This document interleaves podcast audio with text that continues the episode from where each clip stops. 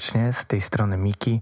Kolejne intro przed audycjami mówionymi zwiastuje kolejne nagranie w terenie. Spotkanie zostało zarejestrowane w jednej z warszawskich restauracji, dlatego z góry przepraszam za barwne tło. Mimo to nie jest ono w stanie przesłonić bardzo sympatycznej i ciekawej rozmowy, która właśnie przed Wami. Zapraszam do odsłuchu. Moje uszanowanie, drogie słuchaczki, drodzy słuchacze, słyszymy się w ramach audycji mówionych. Za mikrofonu kłania się Miki. Tytułem wstępu tylko nadmienię, że wszystkie cykle tworzące Miki Street Radio możecie posłuchać na portalu Mixcloud, a audycje mówione, które właśnie słuchacie dodatkowo w aplikacjach podcastowych, takich jak Spotify, Google Podcast czy Apple Podcast. Przechodzimy do dzisiejszego spotkania z przesympatyczną i artystycznie bardzo utalentowaną kobietą, gdyż realizuje się na deskach scen tych muzycznych, jak i teatralnych. Dodatkowo nie możemy zapominać o ekranowym dorobku. A to i tak nie wszystkie formy artystycznego zaangażowania zaproszonej wokalistki oraz aktorki, którą jest pani Olga Bończyk. Bardzo miło panią przywitać. Dzień dobry. Dziękuję, że przyjęła Pani zaproszenie i za tą możliwość przeprowadzenia z Panią rozmowy. Niezmiernie mi jest miło. Luźny schemat rozmów audycji mówionych to dwie części. W pierwszej bardziej sobie porozmawiamy o Pani, a w drugiej bardziej o twórczości. O Nie, o twórczości, ale jest tego dużo, więc powiedzmy te rzeczy, które mnie interesowały sobie powybierałem i tutaj będę chciał więcej informacji od Pani uzyskać, zobaczymy czy mi się uda. I na koniec taka króciutka zabawa, metrum 5 czwartych pięć pytań, ma Pani tylko dwa warianty odpowiedzi i szybciutko odpowiadamy, ale bardzo przyjemne, lekkie pytania. Więc przechodzimy do części pierwszej. Dobrze. Wiem, że w swoim życiu dłużej Pani śpiewa niż jest aktorką, dlatego też w tym wstępie nie bez powodu zacząłem, że jest Pani wokalistką i aktorką. Za co bardzo dziękuję, bo zwykle dla większości Polaków e, jestem bardziej aktorką niż wokalistką. Większość osób jest przekonana, że to właśnie aktorstwo było tym moim pierwszym zawodem i moją pierwszą miłością taką zawodową, a e, śpiewanie przyszło, jak to zwykle u większości aktorów, dopiero z czasem. A u mnie rzeczywiście jest to dokładnie odwrotnie, ponieważ e, od szóstego roku życia chodziłam do szkół muzycznych, e, najpierw podstawowej, średniej, skończyłam Akademię Muzyczną, więc tak naprawdę z natury rzeczy jestem muzykiem. I to po maturze zaczęłam śpiewać, zresztą zawodowo, w gospelowym zespole, równocześnie studiując, ale już w zasadzie pracowałam zawodowo jako wokalistka w zawodowym, profesjonalnym zespole, jeżdżąc, koncertując, nagrywając płyty. A dopiero po studiach tak naprawdę y, mogłam już z papierami rozpocząć pracę aktorki, y, czyli siłą rzeczy. Najpierw było śpiewanie, muzykowanie, a dopiero potem e, było aktorstwo, które zresztą było zawsze moim wielkim marzeniem. Zawsze pytam gości, którzy wiem, że uczęszczali do szkół muzycznych, jak to się stało, e, gdzie był ten bodziec wtedy, bo to jednak w młodym wieku ciężko samemu o sobie decydować, czy rzeczywiście to była taka pani decyzja, czy gdzieś troszeczkę ktoś tam z boku kibicował, żeby jednak, oczywiście w cudzysłowie kibicował, bo to raczej jest troszeczkę wypychanie do tej szkoły? No, w, w, moim wypadku nikt mnie nie musiał wypychać, bo e, rzecz polegała na tym, że już w przedszkolu zarówno mój brat, który jest starszy ode mnie o 4 lata, jak i ja wykazywaliśmy jakieś tam szczególne zdolności muzyczne. Więc mój brat najpierw miał taką rekomendację przedszkola, E, żeby do tej szkoły muzycznej pójść. Poszedł na skrzypce, a równocześnie, kiedy ja już byłam też w przedszkolu, ta sama przedszkolanka, bo mieliśmy dokładnie tą samą panią Zosię, która prowadziła nas, znaczy była naszą wychowawczynią, najpierw mojego brata, potem moją, również jakby rekomendowała, żeby, żeby mnie wysłać do szkoły muzycznej. No a oczywiście nikt mnie nie wypychał, bo przecież jak mój brat był w szkole muzycznej, to dla mnie byłoby największym nieszczęściem, gdybym ja poszła do zwykłej, wtedy to się nazywało rejonówki, czyli szkoły czyli taka zdrowa rywalizacja, rozumiem, tak? Oczywiście, no wiadomo, jak mój brat już grał na skrzypcach, ja mu potwornie zazdrościłam, więc wyobrażałam sobie, że ja również zostanę e, muzykiem, tylko, że nie chciałam grać na skrzypcach, ale chciałam grać na, na, na fortepianie i rzeczywiście tak też się stało. I na tym instrumencie pierwszy i drugi stopień tak, ukończyła Pani. Tak, jestem z zawodu pianistką, tak można powiedzieć. I było to we Wrocławiu, tam też się Pani urodziła. Mhm. I jak Pani wspomina czasy właśnie szkolne, no i oczywiście sam Wrocław. Och, to są dwa różne tematy, bo Wrocław, z racji tego, że już tam nie mieszkam 27 lat, to oczywiście tęsknię za nim i bardzo miło wspominam samo miasto i jakby atmosferę, która zwłaszcza w czasach studenckich, e, bo rzeczywiście mm, mogłam się tak trochę nasycić tym e, miastem i tym, co Wrocław dawał i daje nadal młodym ludziom i potem ludziom, którzy chcą zbudować tam swoje gniazda. Natomiast szkołę, bo to jest inny temat, szkoła muzyczna jest niezwykle trudną szkołą.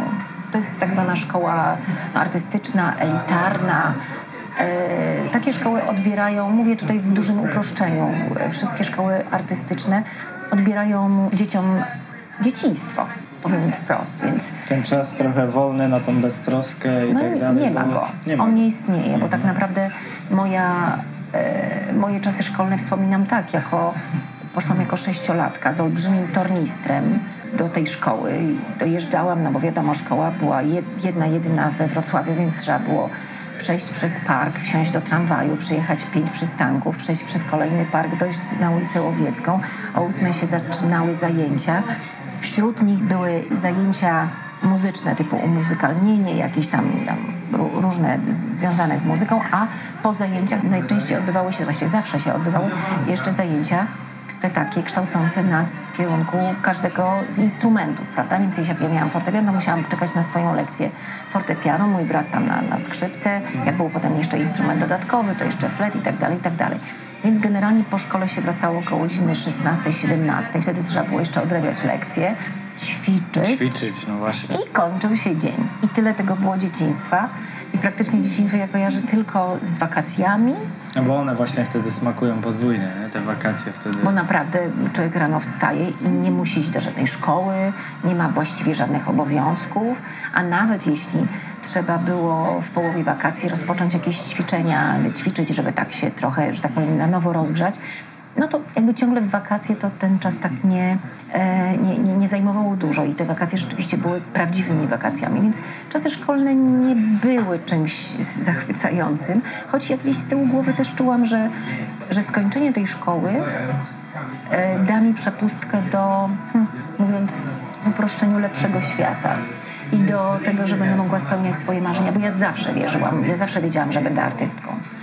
Nie wiedziałam e, dokładnie, czy będę aktorką, czy będę pianistką, czy będę wokalistką. Chciałam być wszystkim po trochu, bo wiadomo, dziecko nie ma jakoś tak sprecyzowanych, jakichś dokładnie swoich marzeń, chociaż miałam na tyle skutecznie sobie to wymyśliłam, chociażby to moje śpiewanie, że ostatecznie jestem aktorką i wokalistką, prawda? Czyli ten wydział na Akademii Muzycznej, wokalno-aktorski, to tak idealnie uderzał w tak. pani tony wtedy, tak, idealnie pasował w tak. całości. Ja muszę być jakby uczciwa, bo ja e, chciałam się dostać do szkoły teatralnej i skończyć normalnie wydział taki dramatyczny, nazwijmy to ale ponieważ ja wtedy bardzo już intensywnie wyjeżdżałam z zespołem Spiritual Singers Band za granicę, myśmy bardzo dużo koncertowali, mi powiedziano wprost, jeśli ja będę miała taką absencję na uczelni na pierwszym roku, to po prostu wylecę po, po pół roku. Więc nie mam co nawet próbować tam startować, bo rzeczywiście szkoła czteroletnia, artystaka teatralna wymaga niebywałego y, poświęcenia, głównie czasu i oczywiście zajęć i tak dalej. Więc czułam, że no, żeby tak trochę było, był wilk syty i owca cała, to doradzono mi zresztą słusznie, że Wydział Wokalno-Aktorski będzie w moim przypadku dużo lepszy, zwłaszcza, że ci sami pedagodzy uczyli na akademii, a tam e, z racji tego, że ja też byłam zwolniona z bardzo wielu przedmiotów, głównie muzycznych, e, no bo jednak miałam maturę muzyczną, więc na Wydziale Wokalno-Aktorskim dostawali się często ludzie, którzy w ogóle nie wiedzieli nic, nic wspólnego do tej pory z muzyką, tylko po prostu ładnie śpiewali, musieli się wykształcić. Więc ja te wszystkie zajęcia miałam darowane, zostały mi zaliczone po prostu na pierwszych zajęciach. No, ponieważ te studia na Wydziale Wokalno-Aktorskim trwają 6 lat, więc one są siłą rzeczy rozłożone w czasie, więc jakby mogłam jednocześnie poświęcać się koncertowaniu, jednocześnie studiowaniu. No jeszcze do tego miałam taki indywidualny, bo zupełnie przyzwoicie się uczyłam, więc jakby wszystko mi sprzyjało wtedy. I kiedy nastąpiła, albo co spowodowało tą wyprowadzkę z Wrocławia do Warszawy? To była Pani świadoma decyzja, czy raczej już właśnie w stolicy pojawiały się jakieś angaże i zawodowo? Nie, nie, nie miałam żadnych angaży. Nawet powiem więcej, bo ja już właściwie prawie 10 lat koncertowałam z zespołem, w którym naprawdę bardzo dobrze, jakby rankingowo moja osoba, wtedy jeszcze miałam panieńskie nazwisko Bocek, naprawdę bardzo wysoko byłam oceniana jako taki, taka wzrastająca no dzisiaj się trochę tak z przymurzeniem oka myślę o tym, ale tak się o mnie mówiła, wzrastająca gwiazda polskiego jazzu. Tak mnie próbowano e, formatować i wkładać do pewnej szuflady. Ale ja w Spiritualsach poczułam, że po tych 10 latach ja już się więcej nie nauczę. Kończyłam studia. Też przy okazji rozpadało mi się życie prywatne, to znaczy jakoś tam to tam się nie, nie układało. I pomyślałam sobie, że to jest dobra okazja, bo tak kończę studia, właśnie się bronię. E, ze spiritualsami już czułam, że się więcej nie nauczę i że to będzie taki dla mnie moment, w którym muszę podjąć jakąś taką decyzję, w której dam sobie szansę na to, żeby się rozwijać. A zawsze jak się coś kończy, to człowiekowi łatwiej jest podejmować takie strategiczne decyzje. Życie prywatne też tam zamykałam e, z hukiem drzwi, więc wszystko się tak dobrze ułożyło i wyjechałam z Wrocławia do Warszawy. Jedna rzecz tylko pamiętam, która mnie żegnała kiedy wyjeżdżałam z Wrocławia, było to, że wszyscy się pukali w głowę, że jak ja mogę porzucać taką fantastyczną karierę, którą rozpoczęłam we Wrocławiu, gdzie w zasadzie we Wrocławiu naprawdę jestem już bardzo liczącą się wokalistką, a wyjeżdżam w, dokładnie jakby u szczytu, nazwijmy to takiej wrocławskiej popularności, wyjeżdżam do Warszawy, nikomu nie znana, kompletnie. Zupełnie nowe środowisko. Nowe, nowe środowisko. Mało tego, ja jeszcze sobie w Warszawie postanowiłam, że przede wszystkim zadbam, ponieważ dopiero co skończyłam studia, że zadbam przede wszystkim o swoją tą ścieżkę aktorską, teatralną i filmową, że to na to stawiam nacisk, że jakby sprawy muzyczne odkładam trochę na bok, żeby nikt jakby nie zaszufladkował mnie jako wokalistki i trochę odsunął mi moje marzenia o aktorstwie. Wtedy też były takie czasy, no to było 27 lat temu. Wielokrotnie zresztą potem przełykałam to jak naprawdę surową żabę, kiedy się mówiło, że muszę wybrać albo być tym, albo tym, że nie, nie można być jednocześnie dobrym i tym, i tym. Ja staram się do dzisiaj udowadniać, że się da, ale wtedy to nie było takie proste. Dzisiaj już e, e, aktorzy, którzy naprawdę mają fajne warunki wokalne i świetnie sobie radzą wokalnie, nie mają tak pod górę, jak ja miałam te 27 lat temu. Ale to jakby ten temat nie będę nad tym utyskiwać, bo jakoś już mam takie poczucie, że już mam to za sobą. Natomiast rozpoczęłam w Warszawie jakby tak bardzo, bardzo sukcesywnie dbać o ten swój taki kręgosłup aktorski, teatralny, filmowy i jak dostałam rolę w Na Dobrej Nazwa i rzeczywiście to tak naprawdę wystrzeliło, to dopiero jakby odkryłam tą kartę wokalną i nagle się okazało, że jedno drugie zaczęło wspierać, więc jakoś, jakoś to wtedy już popłynęło. Nie będę pytał, jakie występy najwięcej sprawiają Pani frajdy, bo zapewne przez grzeczność mi Pani nie odpowie albo jakiś wykona unik. dyplomatyczny unik, więc zapytam inaczej. Które są dla Pani najbardziej tremujące? Czy może już przy dzisiejszym Pani doświadczeniu no, żaden angaż czy zobowiązanie zawodowe nie jest Pani w stanie zaskoczyć i zestresować? Za każdym razem, kiedy wchodzę na... Nie ma to znaczenia na jaką scenę, czy teatralną, czy czy stoję przed kamerą, czy wchodzę na scenę estradową, za każdym razem odczuwam tremę. Oczywiście to nie jest ta sama trema, którą miałam 30 lat temu czy 35 lat temu. Bez wątpienia, zupełnie jest to inny rodzaj stresu, ale ciągle on jest i ciągle y, mam takie poczucie, że, że będzie mi towarzyszył do końca moich dni. To, to jest chyba tak naprawdę silniejsze od umysłu i tego, ile umiemy, jakie mamy na swoim koncie doświadczenia. Nie ma to w ogóle żadnego znaczenia. Znaczenie ma tylko pewność tego, co za chwilę wykonamy na scenie i czy ten godzinny, dwugodzinny czy piętnastominutowy rejs po scenie będzie dla nas bezpieczny, to znaczy czy, czy czujemy się w nim na tyle bezpiecznie, że nie, nie obawiamy się, że na przykład, nie wiem, coś jest nie tak z tekstem, albo nie tak z muzyką, albo nie wiem, chora jestem, więc może czegoś tam nie zaśpiewam, albo e, nie pamiętam od czego się zaczyna druga zwrotka, albo... No właśnie, zapamiętać te wszystkie kwestie. Aktualnie gra Pani w kilku sztukach, tak. które są wystawiane nie tylko w Warszawie, ale właśnie jak Pani radzi sobie z tymi, że to jednak są często zupełnie inne tematyki, często nawet umiejscowienie w czasie, więc ten słownik też może być inny, żeby to wszystko zapamiętać. Czy wykorzystuje Pani każdą wolną chwilę, typu na przykład jazdę autem, żeby coś Zawsze. powtarzać? Zawsze tak jest. Znaczy samochód rzeczywiście jest moim takim miejscem pracy. Tam się uczę. Uczę A, się trafiłem z tym autem. Idealnie. Aha. Samochód jest moim miejscem pracy. Uczenia się, przede wszystkim uczenia się. Ja w ogóle uważam, że nasz mózg ma dwa, może i więcej takich platform zapamiętywania tekstu. Bo na przykład, jeśli jestem na, na planie serialu, gdzie muszę się nauczyć sceny na pamięć, tak? Muszę się nauczyć tekstu, ale ja wiem, że ten tekst nie będzie mi potrzebny za godzinę, jak już będzie po scenie. To jest tak zwana pamięć krótkotrwała, czyli jeśli na przykład mamy zagrać scenę, która, no, nagrywanie takiej sceny trwa załóżmy godzinę i ja się uczę takiej sceny załóżmy w 10-15 minut, czy 5 minut, wszystko zależy w zależności od, od trudności takiej sceny, to w zasadzie, kiedy jest ostatnie ujęcie i słyszymy stop po scenie, to znaczy, że coś takiego się dzieje z, moim, z naszym mózgiem, bo to dotyczy każdego aktora, że gdybym miała jeszcze raz zagrać tę scenę za 15 minut albo za 10, ja, ja musiałabym się nauczyć jej jeszcze raz. Czyli taka nie, pamięć nie, użytkowa. Tutaj to jest taka, wrzucamy, wyrzucamy. I natychmiast po prostu mój mózg to natychmiast wymazuje gumką myszką. Natomiast teksty, których się uczę właśnie jako roli, który wiem, że będzie ten tekst powtarzany sukcesywnie, no bo wiadomo, że ten spektakl będzie grany przez najbliższy rok, dwa, może trzy, niektóre mhm. spektakle gram już od dziesięciu lat. To jest coś takiego, że niezależnie od przerwy, która dzieli mnie od poprzedniego spektaklu do następnego, czasami to jest miesiąc, czasami to jest trzy miesiące, ja w zasadzie ten spektakl pamiętam. Oczywiście to też jest wynikiem tego, że przygotowania do takiego spektaklu polegają na tym, że codziennie, czy tam no, w miarę bar, bardzo często ten tekst jest cały czas powtarzany, prawda? Na scenie, z kolegami, są ustawiane sceny i tak dalej. Mamy tak utrwalany ten tekst, że potem powrót do, do, tych, do tych tekstów jest w zasadzie czymś takim, no jak e, odświeżenie tej pamięci, ale to jest tak, że tylko kurz, tylko zdmuchujemy i, i ten tekst jest. I on zostaje z nami często na lata, naprawdę na lata.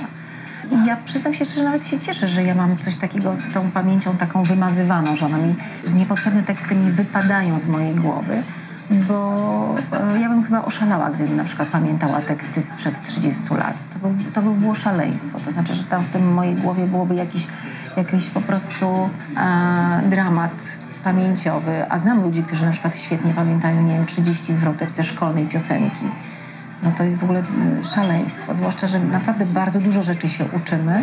Ja rzeczywiście dużo rzeczy muszę zapamiętać, ale a propos jeszcze tej pamięci i uczenia się piosenek czy tekstów w samochodzie. Uznaję, że piosenka jest w mojej głowie już na 100% dopiero wtedy, kiedy jadąc samochodem, czyli moja jaźń jest skierowana na to, żeby pilnować drogi, ktoś przechodzi, prawda? Jeżeli potrafię ją zaśpiewać bez pomyłki, kiedy prowadzę samochód, to dla mnie to jest znak, że ja tę piosenkę już umiem. Jeśli, bo bardzo często no jest na tak, scenie też troszeczkę tych rozpraszaczy jest. Tak, bardzo często jest tak, że ja na przykład w domu śpiewam tę samą piosenkę, jestem na tym skupiona i potrafię ją zaśpiewać bez pomyłki, ale wsiadam do samochodu i natychmiast okazuje się, że wszystko, co mnie rozprasza, powoduje, że ja nie pamiętam. Ja nie mogę się skupić, więc zakładam, że jak potrafię zaśpiewać piosenkę jadąc samochodem, to znaczy, że zaczyna już działać ta pamięć taka, ta głęboka. Te słowa są już tak doklejone, że one same mi przychodzą, niezależnie od tego, co się dookoła mnie dzieje. I, i, i pewnie dlatego też tak, tak umiem się nauczyć tekstów y, i one długo we mnie są. Mówię o tych, które są mi potrzebne na lata. Wspomniała Pani już dzisiaj brata. Też chciałem zapytać, jak to w rodzeństwie, bo skrzypek, który pełni funkcję koncermistrza w Orkiestrze Kameralnej Polskiego Radia Amadeus w Poznaniu pod batutą pani Agnieszki Duczmar. I chciałem zapytać, czy jako rodzeństwo realizowaliście jakiś muzyczny projekt wspólnie? Gdzieś tam się gdzieś wspieraliście? Że to jest nieprawdopodobne, że myśmy nigdy Nigdy Bo ja siostrę też próbowałem kiedyś domówić muzycznie. No, spędzamy bardzo dużo czasu wspólnie, e, odwiedzamy kina, inne miejsca, ale muzycznie nie chcę współpracować. Myślę, że Mirek bardzo by wszedł w, w jakąkolwiek ze mną współpracę, ale raz Poznań, no odległość robi swoje. Dwa, on bardzo dużo koncertuje z Agnieszką Duczmal, bardzo dużo ma swoich projektów, więc siłą rzeczy on po prostu zwyczajnie nie ma czasu. Były dwa projekty, w których Mirek wziął udział. E, przed, fu, fu, to z 25 lat temu, 25 lat, może 20 lat temu, zagrał na mojej pierwszej płycie kolendowej, ale był w orkiestrze kameralnej mm -hmm. jako koncertmistrz właśnie. A potem z kolei ja zostałam zaproszona przez Agnieszkę Duczmal do zaśpiewania razem z orkiestrą kameralną dwóch piosenek. To wtedy ja pojechałam do Poznania i razem z całą orkiestrą Agnieszki Duczmal zaśpiewałam dwie piosenki. Natomiast tak z moim bratem, tak żebyśmy coś we dwójkę jako duet, nigdy nam się to nie udało. I wierzę w to, że, że to się uda. Ale paradoksalnie syn Mirka, czyli mój bratanek, gra na perkusji. Michał gra to ze mną. To się tworzy skład. Tak. I Mi Michał gra ze mną w moich koncertach, tak. Jako perkusista, tak. Bo on jest perkusistą jazzowym, więc akurat to jest po mojej linii e, muzycznej, więc on akurat mi się e, fantastycznie sprawdza i z Michałem współpracuje. Ale Mirek jest jednak skrzypkiem e, klasycznym, więc te, te dwa światy jednak też są trochę odległe, aczkolwiek to nie jest tak, że tego się nie da połączyć. Da. Tylko trzeba mieć na to pomysł, jakąś fajną, fajną koncepcję. I na koniec tej pierwszej części pytanie zupełnie odbiegając od aktorstwa i od muzyki. Czy to prawda, że jest Pani fanką tenisa i grywa nawet? Ziemnego? No i właśnie, to jest tak, jak się raz człowiek pokaże z rakietą, to już od razu robią z niego, kurczę, e, Federera. Nie, znaczy Iga tak. Świątek teraz znaczy, na czasie. Iga, przepraszam, Iga Świątek, oczywiście, przepraszam bardzo, chwilę. E, był taki czas, kiedy, myślę, że z jakieś 10 lat temu, kiedy pomyślałam sobie, że to byłby, bo ja w ogóle nie jestem sportowa. Ja nie, nie znoszę sportu, okay. sama nie lubię w ogóle uprawiać sportu. Rozumiem. Mnie on nudzi, jest dla mnie w ogóle jakąś stratą czasu i jakimś rodzajem takiego zmuszania się do wysiłku, który nic mi nie daje. To znaczy ja nie, nie lubię chodzić na siłownię. Jak pani dba, żeby być tak dobrej no, formie no, cały chodzę czas? Na, tak mam już od kilku... Czyli tak po prostu na, to jest na siłę. za karę. To jest wszystko za karę. Wszystko za karę. Ale ponieważ są takie turnieje tenisa ziemnego dla artystów, aktorów i kabareciarzy, i zostałam wielokrotnie, byłam zapraszana, a potem już konsekwentnie dopraszana na takie wyjazdy. I uznałam, że na początku byłam po prostu gościem, a potem mówię, no to dobra, no to może się trochę tak nauczę, żeby tak jakoś nie siedzieć tylko na tej ławce i nie oglądać kolegów z przyjemnością zresztą, ale może sama bym się poruszała. I okazało się, że ten tenis to nie jest głupia rzecz, ponieważ to bieganie po tym, po tym korcie jest niepowtarzalne. Każdy mecz jest inny. Nie ma rutyny w tym. I to mnie bardzo kręciło. I rzeczywiście był taki czas, kiedy miałam normalnie trenera i chodziłam. Tylko rzeczywiście, żeby w ogóle zrobić jakieś konkretne postępy, no to naprawdę trzeba być w tym... się zaangażować. Bardzo się bardzo być w tym sukcesywnym, bardzo cierpliwym, bardzo, a jeszcze do tego, jak coś się źle zrobi, to można mieć kontuzję i tak dalej. I rzeczywiście brak czasu, intensywność moja zawodowa spowodowała, że ja nie mogłam uprawiać tego, uczyć się, jakby chodzić na treningi sukcesywnie. Efekt był taki, że gdzieś utknęłam w takim punkcie, który nie pozwolił mi doszusować do poziomu kolegów. No coś tam, wiem jak się trzyma, wiem jak się biega, no umiem... Forehand, po... backhand. Tak, no te wszystkie jakby potrafię serwować, ale mam teraz świadomość, że po tych kilku latach, kiedy właściwie rakiety nie trzymałam w ręku, no to znowu będę musiała to znowu od zera odgrzebywać. I szczerze, nie chce mi się.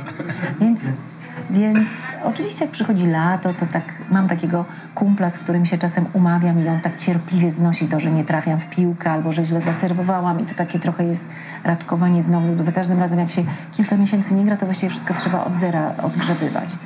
Powiem tak, ja przez ten cały czas, a to już naprawdę jest 10 lat, ja nigdy w życiu nie wygrałam żadnego meczu. To też świadczy o tym, jak, o tym, jak źle gram. No i przechodzimy do drugiej części. Tutaj bardziej o Pani twórczości, tak jak wspominałem, chociaż, no tak jak mówiłem, o części, bo Dobrze. realizowała Pani bardzo dużo projektów, zarówno muzycznych, jak i aktorskich. I oczywiście tutaj też mi jest bliższa muzyka, a sama Pani w jednym z wywiadów powiedziała, że bez muzyki moje życie wiele by straciło, więc zaczniemy od tych muzycznych Dobrze. projektów.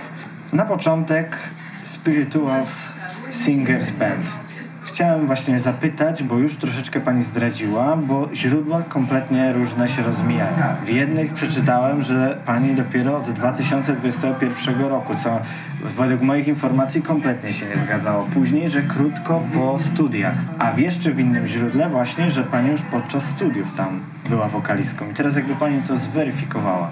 Prawda jest taka. Po 86 roku zdałam maturę i dwa miesiące później zostałam przyjęta do zespołu Spiritual Singers Band, czyli dokładnie jeszcze nie zaczęłam studiów, a już A, byłam w. Tak.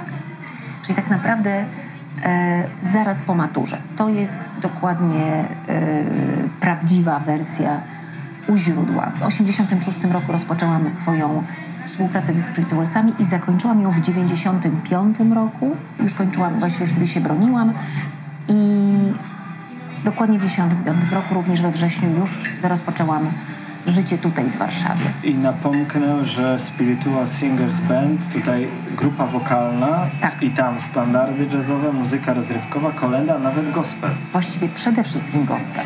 I to już Jak bardzo ja- szerokie spektrum Tak. miała pani tam, żeby się realizować. Przede wszystkim gospel, śpiewanie wielogłosowe a cappella, czyli bez instrumentów żadnych, siedem osób, e, znakomita e, szkoła życia, zarówno tego scenicznego, jak i wokalnego, bo w Polsce nie ma szkół, które uczyłyby śpiewu e, wielogłosowego a cappella, takiego rzeczywiście na, na miarę, nie wiem, Take Six, czy Boys to Men, czy wszelakich boys, boys bandów, czy takich zespołów, które śpiewają wielogłosowe, czy tak jak dzisiaj mamy to... E, czy w ogóle mamy jakiś zespół taki a cappella?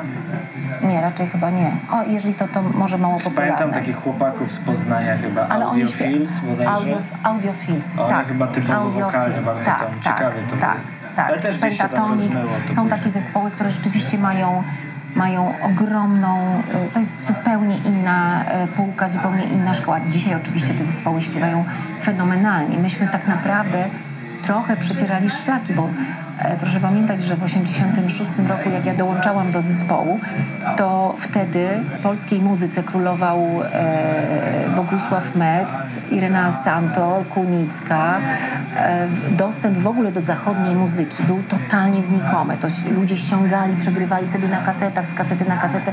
To była absolutnie niszowa historia, żeby się w ogóle e, żeby zdobywać jakieś nagrania zagraniczne, żeby w ogóle mieć, y, poznawać muzykę i wokalistów i to graniczyło z cudem. No, ciągle jeszcze byliśmy za żelazną bramą.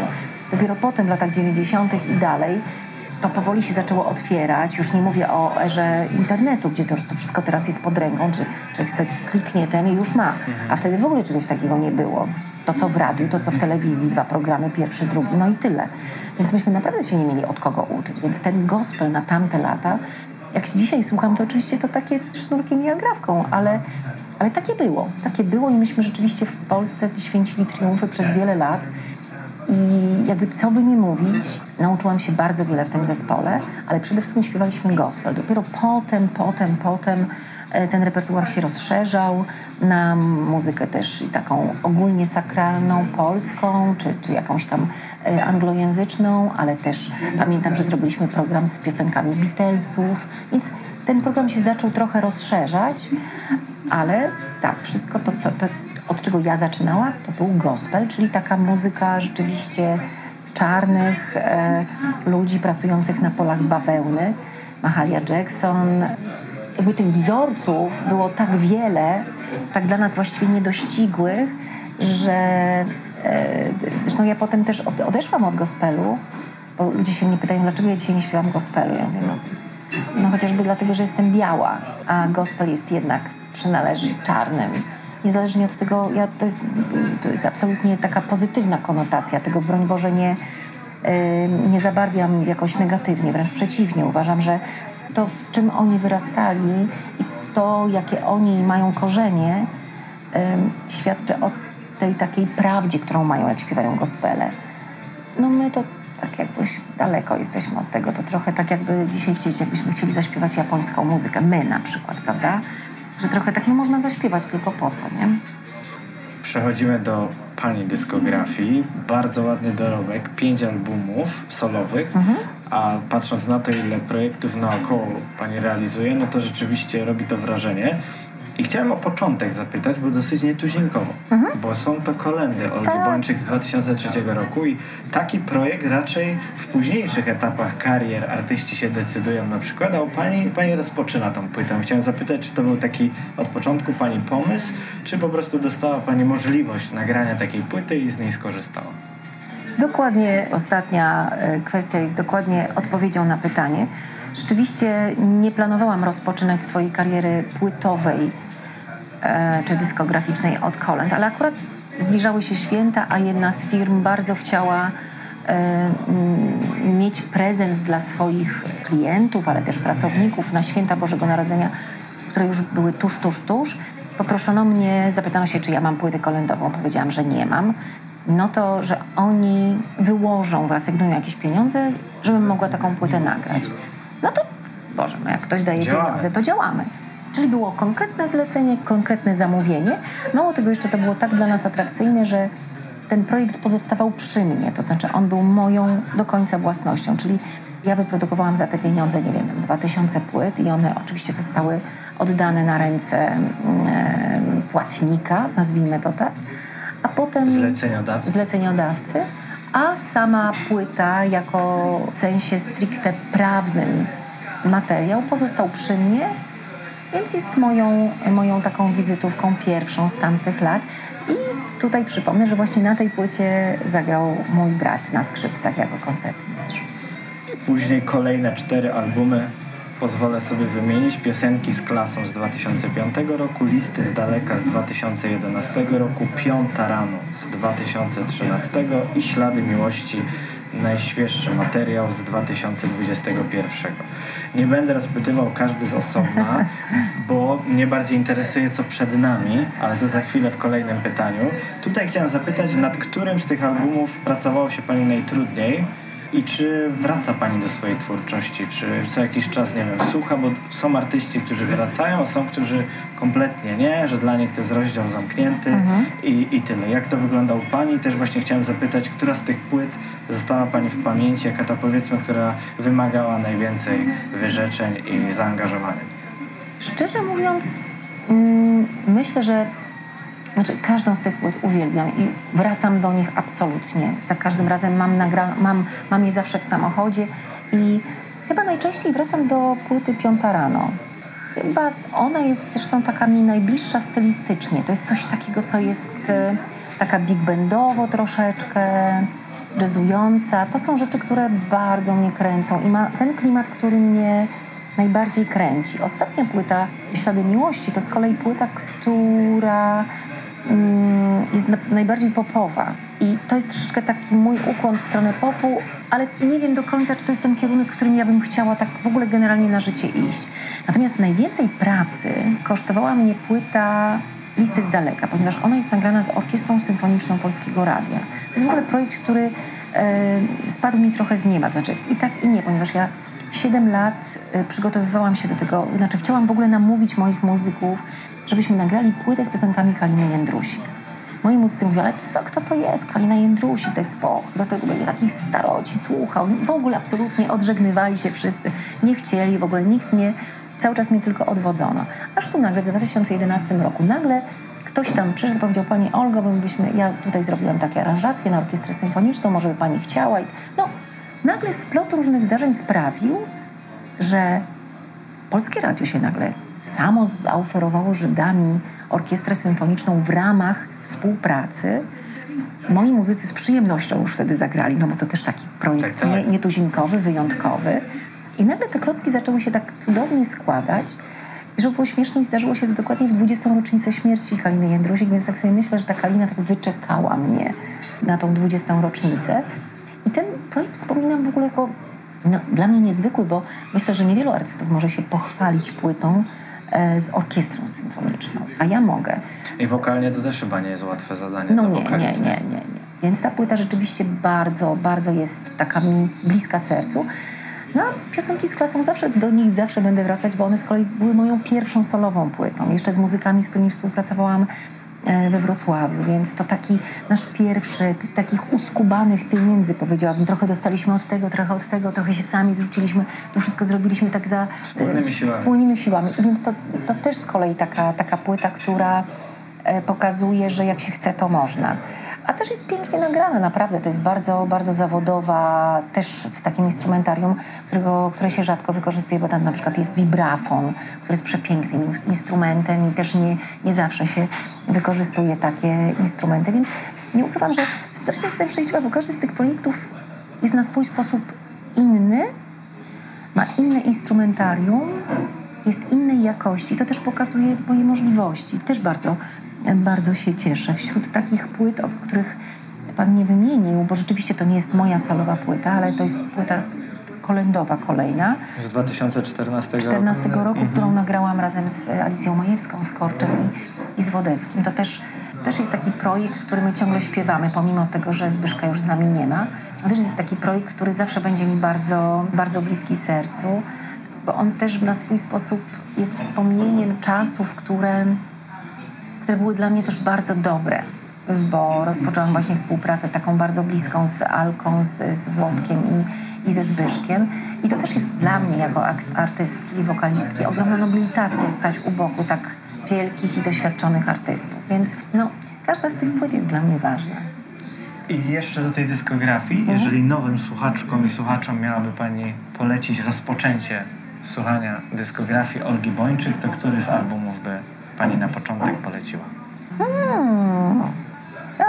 Bo ja mam swój typ, ale nie no chcę to proszę powiedzieć. No ja myślę, że piosenki z klasą. To piosenki jest mój ulubiony tak? album.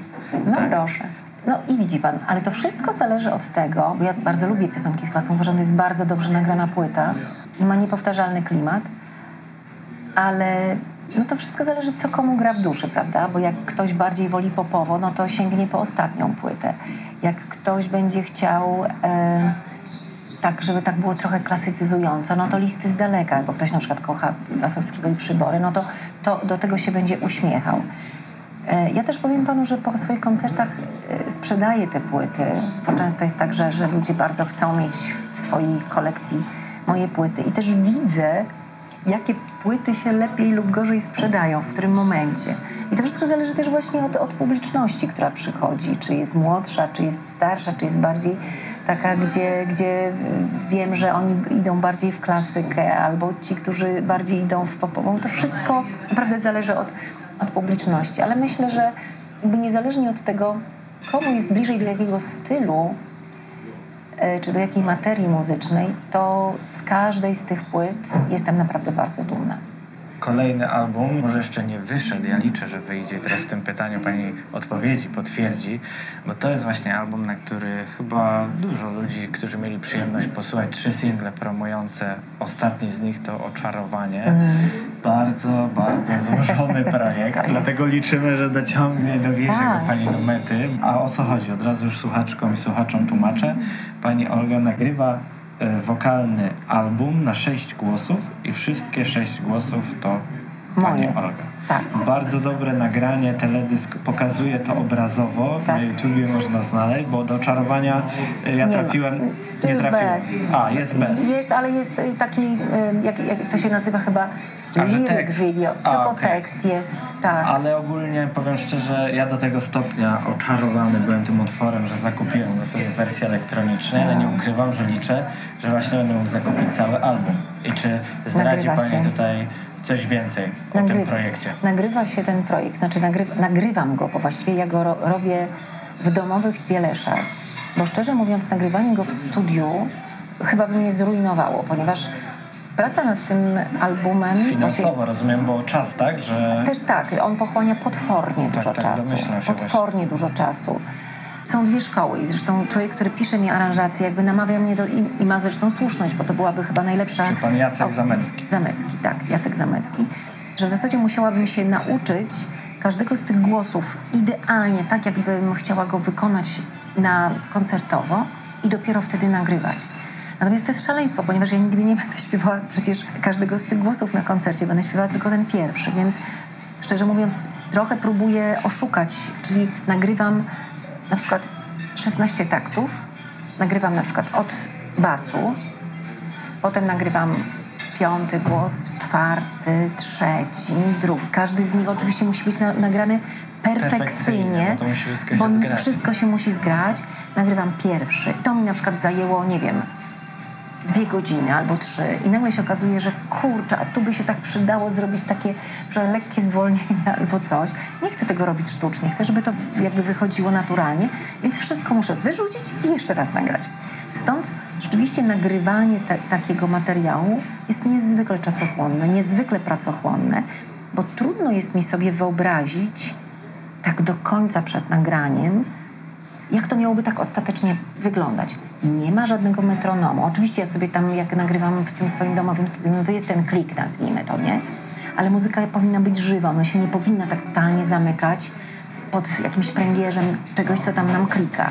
Więc czasem jest tak, że ja te, ciągle jestem niezadowolona, więc wyłączam klik próbuję nagrywać to mimo wszystko tak z serca. Ale wtedy jesteśmy... Perfekcjonizm może troszeczkę przeszkadzać przy tego rodzaju. ale z drugiej strony nie da się inaczej. To znaczy, jeśli mam wypuścić coś, co jest ym, takie sztuczne i bardzo takie techniczne, to ja nie chcę, bo ja, ja nie śpiewam takiej muzyki. Ja chcę, żeby to było naprawdę z serca. To ja nawet wolę to nagrywać dłużej, ale mieć potem ogromną przyjemność w stawia tym, że... na naturalne takie Tak, brzmienie? że- i, i, na, i na jakość przede wszystkim, żeby...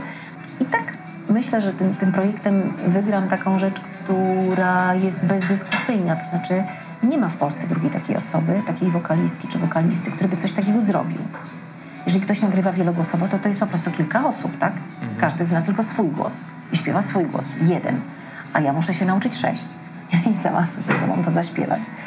Więc to jest e, no, trudność, której nikt się do tej pory, no oczywiście w tej skali, bo ja nie mówię, że ktoś tam zaśpiewał sobie na dwa albo trzy głosy, no jakieś najprostsze tam w tercyjkach i tak dalej, no takie rzeczy to jasne, to każdy może.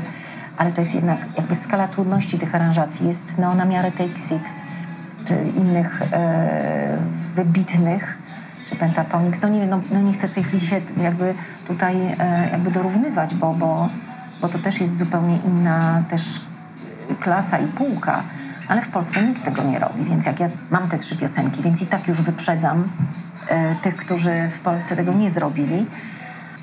Ale powiem panu, że ponieważ wiem, jak to jest potwornie trudne, jestem przekonana, że nikt, nawet jak ja nagram taką płytę, nikt się długo, długo jeszcze w Polsce na coś takiego nie odważy, ponieważ to jest piekielnie trudne.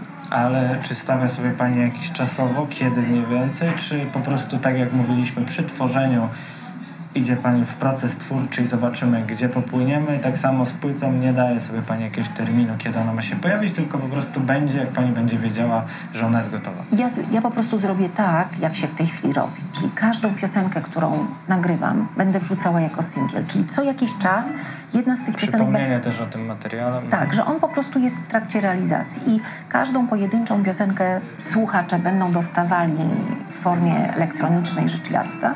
I jak ja już nagram cały ten materiał, podejrzewam, że przy tej takiej ogromnej ilości innej pracy, myślę, że to się może zamknąć w ciągu roku, może półtora.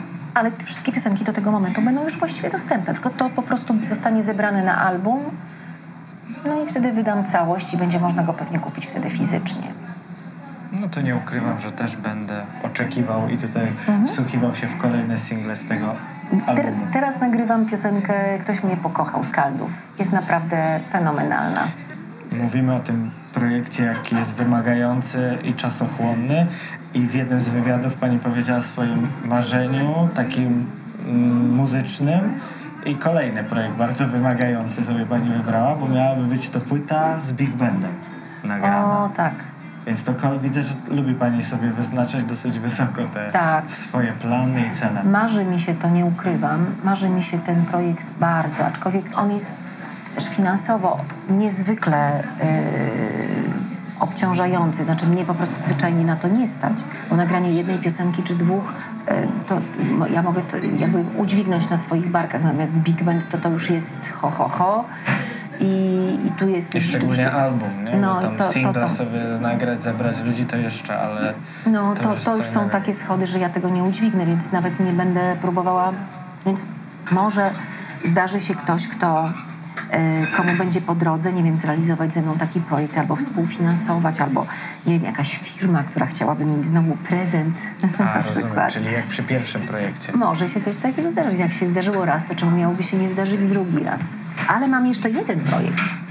O, to już teraz patrzę w notatki, Nie ma czerwienie nic. się, bo nie mam nic. I bardzo dobrze, bo właściwie chyba o tym tak nie mówiłam za często, w każdym razie nie, ponieważ to są plany, ale one się powoli zaczynają realizować. Do tego stopnia, że dokładnie jestem dwa dni po, po nagraniu studyjnym e, dwóch piosenek.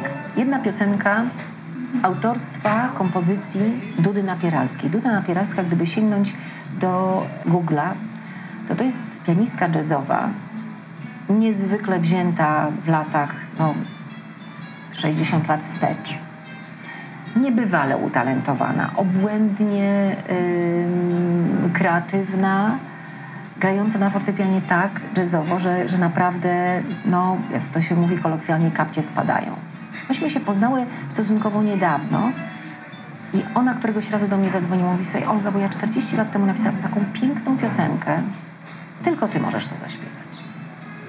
Przyjechała do mnie do domu, zagrała mi ją taką, taką, taką zagrała mi taką fortepianówkę, nazwijmy to. Ja mówię, Duda, ja dla ciebie to nagram. Po prostu nagram tę piosenkę. I dokładnie aranżację zrobił Filip Siejka, ale z Filipem z kolei przygotowujemy zupełnie inny projekt, na który się też bardzo cieszę. On będzie powstawał znowu też bardzo sukcesywnie. Pewnie niewiele osób wie, ale wujkiem Filipa był, bo niestety nie żyje, Piotr Figiel, jeden z najlepszych kompozytorów i aranżerów lat 70., 80. Dość powiedzieć, żeby, dość powiedzieć, że na przykład on napisał ten wielki song Irenie Santor Powrócisz tu. To jest absolutnie taki no, flagowy utwór, który no, myślę, że, że pani Irena też do dzisiaj będzie uważała, że to jest absolutnie to coś, co, co też ciągnęło jej karierę ale też pan Piotr Figiel napisał wiele innych wspaniałych przebojów dla wielkich artystów e, tego świata. I umówiliśmy się z Filipem, że Filip zrobi nowe, współczesne aranżacje do takich największych hitów Piotra Figla. I daj Boże, uda nam się nagrać taką współczesną płytę z piosenkami Figla i pokazać ją światu. I przedwczoraj właśnie, nagrywając jedną piosenkę Dudy, ale drugą właśnie piosenkę z repertuaru Ireny Jarockiej. E, przepiękna. To jest taka kompozycja, że ciągle nie, umiem, nie, rozumiem, dlaczego nie stała się przebojem Ireny Jarockiej. Piosenka pod tytułem Byłeś słońcem moich dni. Obłędna piosenka, naprawdę uważam. I Filip absolutnie wyszedł poza, poza ramy i zrobił no naprawdę przepiękną aranżację, więc też za chwilę będę się mogła pochwalić tym utworem. Projekt goni projekt, czyli muzycznie bardzo dużo się dzieje. Bardzo dobrze. Ja nie ukrywam, że i tak będę czekał na ten projekt, ten oczarowanie singiel, naprawdę świetny, bardzo fajny materiał i ogólnie mało jest takich rzeczy właśnie, stricte czysto wokalnych Prawda. i tutaj jeszcze szczególnie, że jedna osoba, jest to bardzo ciekawy Tak. projekt i liczę, trzymam kciuki, żeby on Dziękuję. dobrnął do końca. Musimy przejść do twórczości aktorskiej i tutaj mm, babcia mnie pod żebro łokciem, że mam zapytać, więc pytam. Chodzi oczywiście o serial na dobre i na złe. Jak z Pani perspektywy teraz po latach, czy ten serial pomógł Pani, rzeczywiście otworzył ileś tam drzwi, czy może właśnie paradoksalnie zamknął jakieś możliwości angażu, bo troszeczkę czasami te seriale aktorów potrafią szufladkować. Jak to Pani teraz już z dużej perspektywy sobie interpretuje? Całą pewnością serial otworzył mi drogę do, do bardzo wielu możliwości związanych z tym, że stałam się osobą rozpoznawalną i popularną. A to ciągnie za sobą duże możliwości, jeśli się umie je wykorzystać, a wydaje mi się, że umiałam je wykorzystać i przekuć na, na kolejne jakieś swoje projekty, na realizację siebie, to wydaje mi się, że na tyle, na ile potrafiłam z tego skorzystać, to tak się stało. Więc z całą pewnością serial był dla mnie taką otwartą bramą do innego, lepszego świata. No, w każdym razie tego bardziej, o którym marzyłam, czyli że, że kolejne propozycje, kolejne jakieś, jakieś współprace, projekty. Dużo drzwi się dla mnie pootwierało, ale z drugiej strony też trzeba przyznać, że ten, taki serial szufladkuje. To znaczy może nie szufladkuje mnie w taki sposób, że nikt mnie nie zaprosi do innego serialu. Nie, nie. Wręcz przeciwnie, zapraszają, ale właściwie mam takie poczucie, że ciągle gram tę samą postać, to znaczy tę samą kobietę bardzo silną, mocną, charakterną, złą, która knuje. Bo jakoś tak się już wpisałam, że łatwo jest teraz reżyserom obsadzać mnie właśnie w takiej, w takiej roli. To dobrze, z drugiej strony takie role są bardzo ciekawe do zagrania, bardzo kolorowe, bardzo takie wymagające. Okej, okay, ja się, ja się nie, nie... Wyzwań się pani nie boi? Nie, nie boję się. Aczkolwiek mam takie poczucie, że, że to jest rodzaj jakiejś takiej szuflady i takiej sztampy, która, którą najłatwiej jest, do tego wora najłatwiej jest nie wrzucić, bo wiadomo, że ja sobie z takim zagadnieniem czy z takim tematem sobie świetnie poradzę. Natomiast chętnie zagrałabym jakąś, nie wiem, kobietę z złamaną życiem, zduszoną, która próbuje się odnaleźć. No, jakby zupełnie po drugiej stronie e, tego kilka. Myślę, że, że wciąż mój potencjał nie jest doceniany. Tak sobie myślę i że byłabym przeszczęśliwa, gdyby reżyserzy czy producenci popatrzyli na mnie rzeczywiście jak na plastelinę, którą można ulepić, z której mogłabym ulepić jakąś postać niekoniecznie silnej adwokatki, która chce zniszczyć dookoła albo iść po trupach i, i wygrywać swoje um, nie wiem, procesy niezależnie od tego. Chciałaby Pani też bywać po tej dobrej stronie barykady. Na przykład, na przykład, tak. Teraz jeśli jeszcze mogę o angaże teatralne. Z tego co sprawdziłem, można Panią zobaczyć w takich sztukach aktualnie Kwartet, O co biega, Abonament na szczęście czy Kochane pieniążki. I chciałem zapytać Panią, czy podpisuje się Pani pod tą tezą, że aktorstwo teatralne dużo jest trudniejsze niż te telewizyjne, filmowe i często teatr potrafi wyjaśnić czy pokazać, że ktoś jednak nie ma tych cech do dobrej gry, czy po prostu, że nie sprawdza się jako wybitny aktor w niektórych rolach, że często ten teatr jest takim troszeczkę krystalizatorem gry aktorskiej.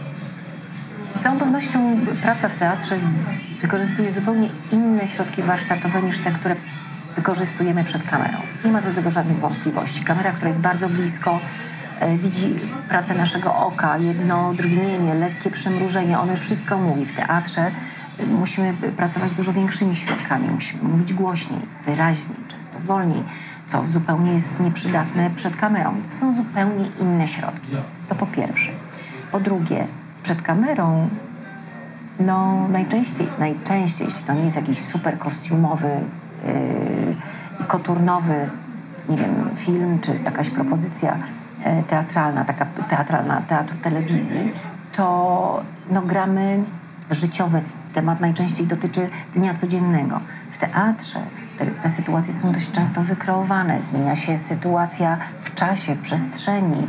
E, tworzą się fikcyjne historie, ale fikcyjne w taki sposób, że można zderzać e, dwa różne czasy w tym samym miejscu. No, teatr daje zupełnie inną możliwość czasoprzestrzeni, tworzenia roli. No, w teatrze jest praca bardziej wyobraźnią widza niż konkretem.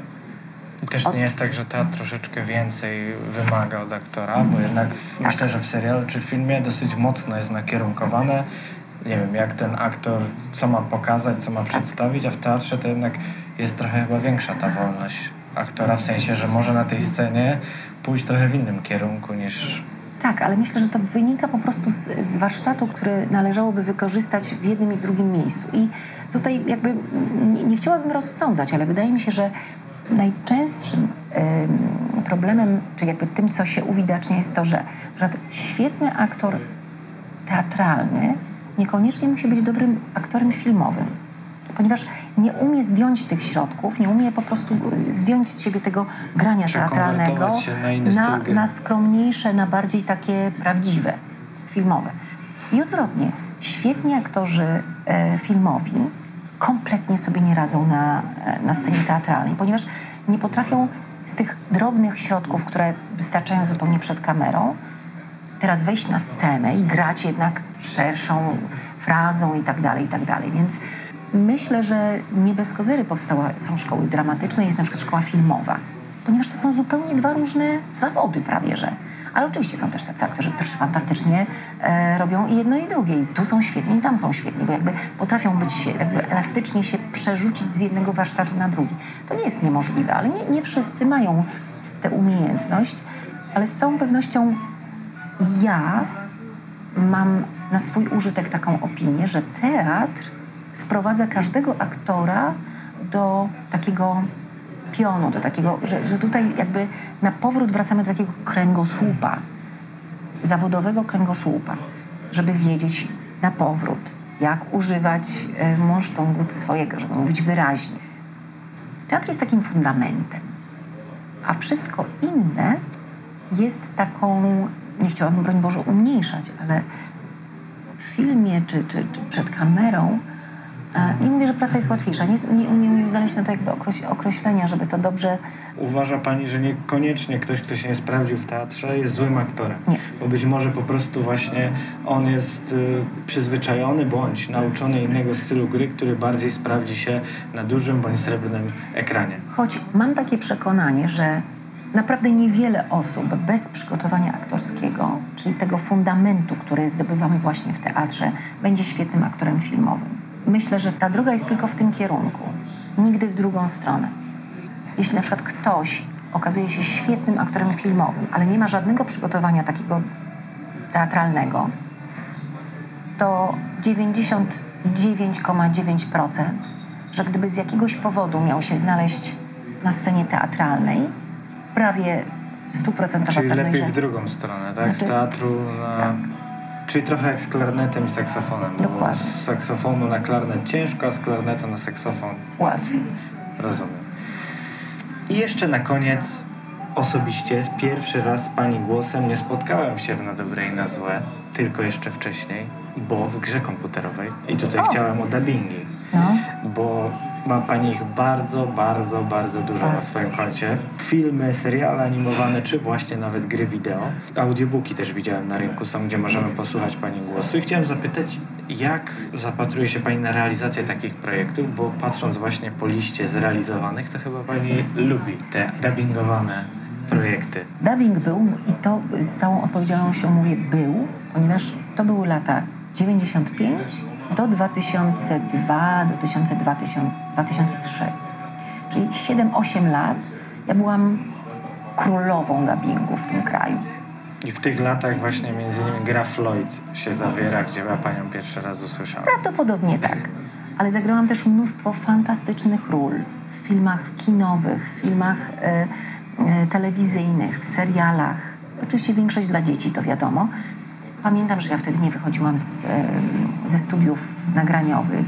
I to rzeczywiście była dla mnie wielka, wielka, wielka przygoda, ale też wielka nauka pracy swoim własnym głosem bez rekwizytu, bez światła, bez kostiumu, bez e, wszystkiego tego, co aktor na scenie ma w orężu, prawda? No bo jak się idzie do teatru i gra się w teatrze czy przed kamerą, no to aktor dysponuje wszystkim, swoim wyglądem, mimiką, e, no wszystkim. Dubbingu jest tylko głos i tylko tym głosem trzeba tak stworzyć postać, żeby ona stała się wiarygodna. Nie każdy to potrafi. Nie każdy. Ja zawsze powtarzałam, że, że w szkołach aktorskich powinien być taki przedmiot jak dubbing, przynajmniej przez rok, żeby, żeby młody człowiek zrozumiał, co jego głos jest w stanie zrobić i na ile jest elastyczny lub też nie. Bo to może być niezwykle odkrywcze. Dla mnie było ogromnie odkrywcze. I wiem, że chyba w Warszawie, Warszawie chyba powstał wydział, e, znaczy nie wydział, tylko jest dubbing chyba przez rok. W każdym razie no, zaczęto to traktować poważnie. I zresztą bardzo dobrze, bo to, to jest fenomenalna szkoła takiej samoświadomości tego, co się może dziać z, z głosem. Ale w 2002-2003 roku rozstałam się już z dubbingiem, ponieważ otworzyły mi się drzwi właśnie serialowe i trochę już nie miałam czasu. Tam ten rynek też trochę się załamał, ten dubbingowy. Zaczęło być bardzo dużo młodych aktorów, którzy wchodzili w ten dubbing. Pomyślałam sobie, niech się uczą, niech się rozwijają, muszą być następcy. Więc ja się trochę też od tego dubbingu odsunęłam. Teraz jestem od czasu do czasu zapraszana na takie pojedyncze, małe role, ale zawsze takie bardzo ekskluzywne, powiedziałabym. Więc to mnie bardzo cieszy, bo, bo to jest bardzo przyjemne. Bardzo. Mogę tylko powiedzieć, że bardzo lubimy te dubbingi, gdzie właśnie pani Olga Bończyk realizuje. Dobrnęliśmy do końca, choć nie do samego końca, bo jeszcze ta króciutka zabawa przed nami. Okej. Tak jak mówiłem, metrum 5 czwartych, 5 pytań, dwa warianty odpowiedzi, wybiera Pani jeden z wariantów. Jak Pani powie pauza, przejdę do kolejnego Dobra. pytania, ale sugeruję jednak ją trzymać na gorsze czasy, gdzieś tam późniejsze. Dobra. Czyli gdzieś czwarte, piąte pytanie. Czy możemy zaczynać? Oczywiście. Sernik czy szarlotka? Sernik. Pies czy kot? Jazz czy muzyka klasyczna? Bardzo podchwytliwe pytanie. Remis. Remis. Czyli pauza. Pauza. Teatr czy kino? Teatr. I Wrocław czy Warszawa? Warszawa. Okej, jesteśmy na mecie. Dziękuję. Chociaż ze smutkiem powiedziałam, że Warszawa. No właśnie tak bez tej bez, werwy. bez entuzjazmu, ale tylko dlatego, że po prostu nie mogę, nie mogę zapomnieć, że Warszawa dała mi naprawdę bardzo dużo i, i za to jestem jej wdzięczna. Tak samo jak dużo dał mi Wrocław, ale jednak e, żyję tu i teraz i ta Warszawa jest rzeczywiście dla mnie miejscem, moim miejscem na ziemi, więc Warszawa. Dziękuję Pani bardzo serdecznie za rozmowę. Trzymam kciuki za wszystkie projekty, bo widzę, że tam bardzo dużo się dzieje i cieszę się z tego, ale najbardziej trzymam kciuki za sześciogłosowy album Tak. i może ten big bandowy. Dobra. Też tego Pani życzę. Okej, super, bardzo dziękuję. Dziękuję również Wam, drogie słuchaczki, drodzy słuchacze, za kolejne spotkanie w ramach audycji mówionych. Kolejny odcinek za miesiąc. Do tego czasu sprawdzajcie kształcenie słuchu, jazz club, rytmikę, muzykomat oraz cykl Beatrate na portalu Mixcloud. Rozmowę poprowadził Miki, kłaniam się nisko. Do usłyszenia.